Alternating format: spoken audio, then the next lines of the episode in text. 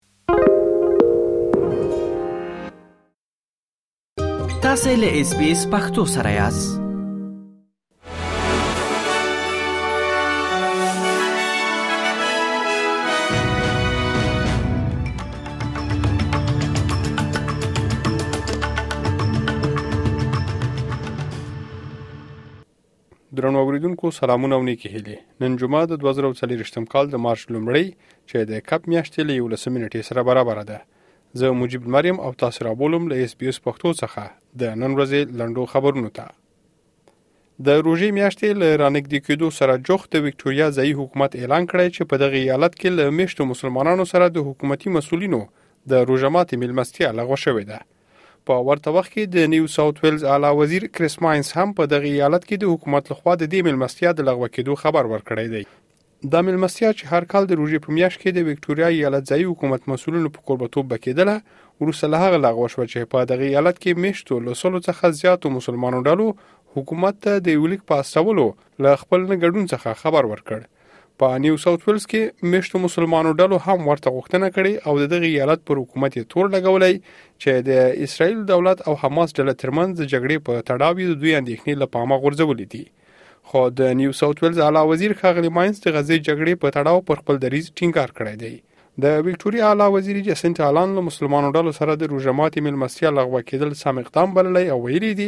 چې په غزه کې به له جګړه ځپلو سره پر مرستې تمرکز وکړي بل لور ته د غزې په شمال کې د بشري مرستو ترلاسه کولو په هدف پر راټولو شوو کسانو د برید په نتیجه کې له سلو تنو څخه زیات کسان وژل شوي او شاوخوا اوه سوه شپېته تنه ټپیان شوي دي د غزې د روغتیا وزارت په وینا برید د اسرایلي ځواکونو لخوا شوی د ریپورتونو له مخې وروسته له هغه چې اسرایلي ځواکونو د خطر احساس کړی د بشري مرستو لپاره پر راټولو شوو کسانو یې برید کړی خو د اسرایل امنیتي ځواکونو دا رد کړي چې ګواکې برید د دوی لوري تر سره شوی وي د اسرایل د پوز بیان دانیل هګاری ویلي چې د دوی ټانګونو د راټول شوو خلکو پاشلو په هدف هوایي ډزې کړې دي د ویلي چې دا کسان د مرستو ترلاسه کولو پر مهال د غنیګونې لامل وژل شوي نه د دوی د برید په پایله کې د استرالیا د استخباراتو ادارې له خپل دې پریکړې دفاع کړې چې دوی د هغه پخوانی سیاستوال نوم چې د وی بهرنۍ استخباراتي کړۍ لوري استخدام شوی وو افشا نه کړي د استرالیا د استخباراتو مشر مایک برجس ویلي هیڅ استخباراتي اداره د خپل عملیاتو جزئیات له عامو خلکو سره نه شریکوي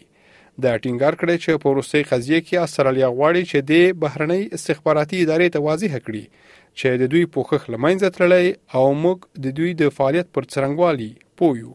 له دې وړاندې د فدرال حکومت د مالیې پخوانی وزیر جوی هوکی او د استرالیا حکومت د اپوزیسیون مشر پیټر ډاټن غوښتنه کړې و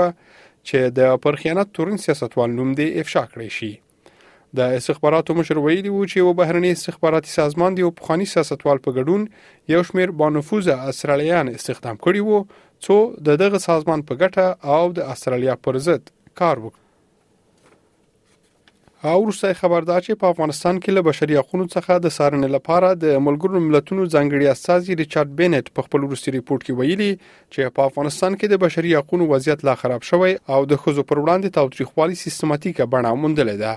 ښاغلي بنټ چې تیر ورځ په جنیوا کې د ملګرو ملتونو د بشري حقوقو شورا ته خپل رپورت وړاندې کاوه وویل چې له طالبانو څخه باید د دوی د اقداماتو او پالیسیو په اړه پوښتنه وشي نو موري ویل چې طالبان هیڅ مخالف غږ نه زغمي او د تحصیلاتو بشري حقوقو او خزو مدافع کسان هنرمندان او ژورنالستان یې پرته له کوم جرمه بندیان کړي دي د همداراز ټینګار کړی چې طالبان د عمومي عافیه په تړاو د خپل مشر تعهد ته ژمن نه دي او په ډیرو مواردو کې خپل دا تعهد نقض کړی دی خو د طالبانو ویاند ذبی الله مجاهد ویلي چې لویدیز هیوادونه له بشري حقوقو څخه ناوړه استفاده کوي درنو اوریدونکو دا و د نن ورځې لاند خبرونه تر بیا ښې چاري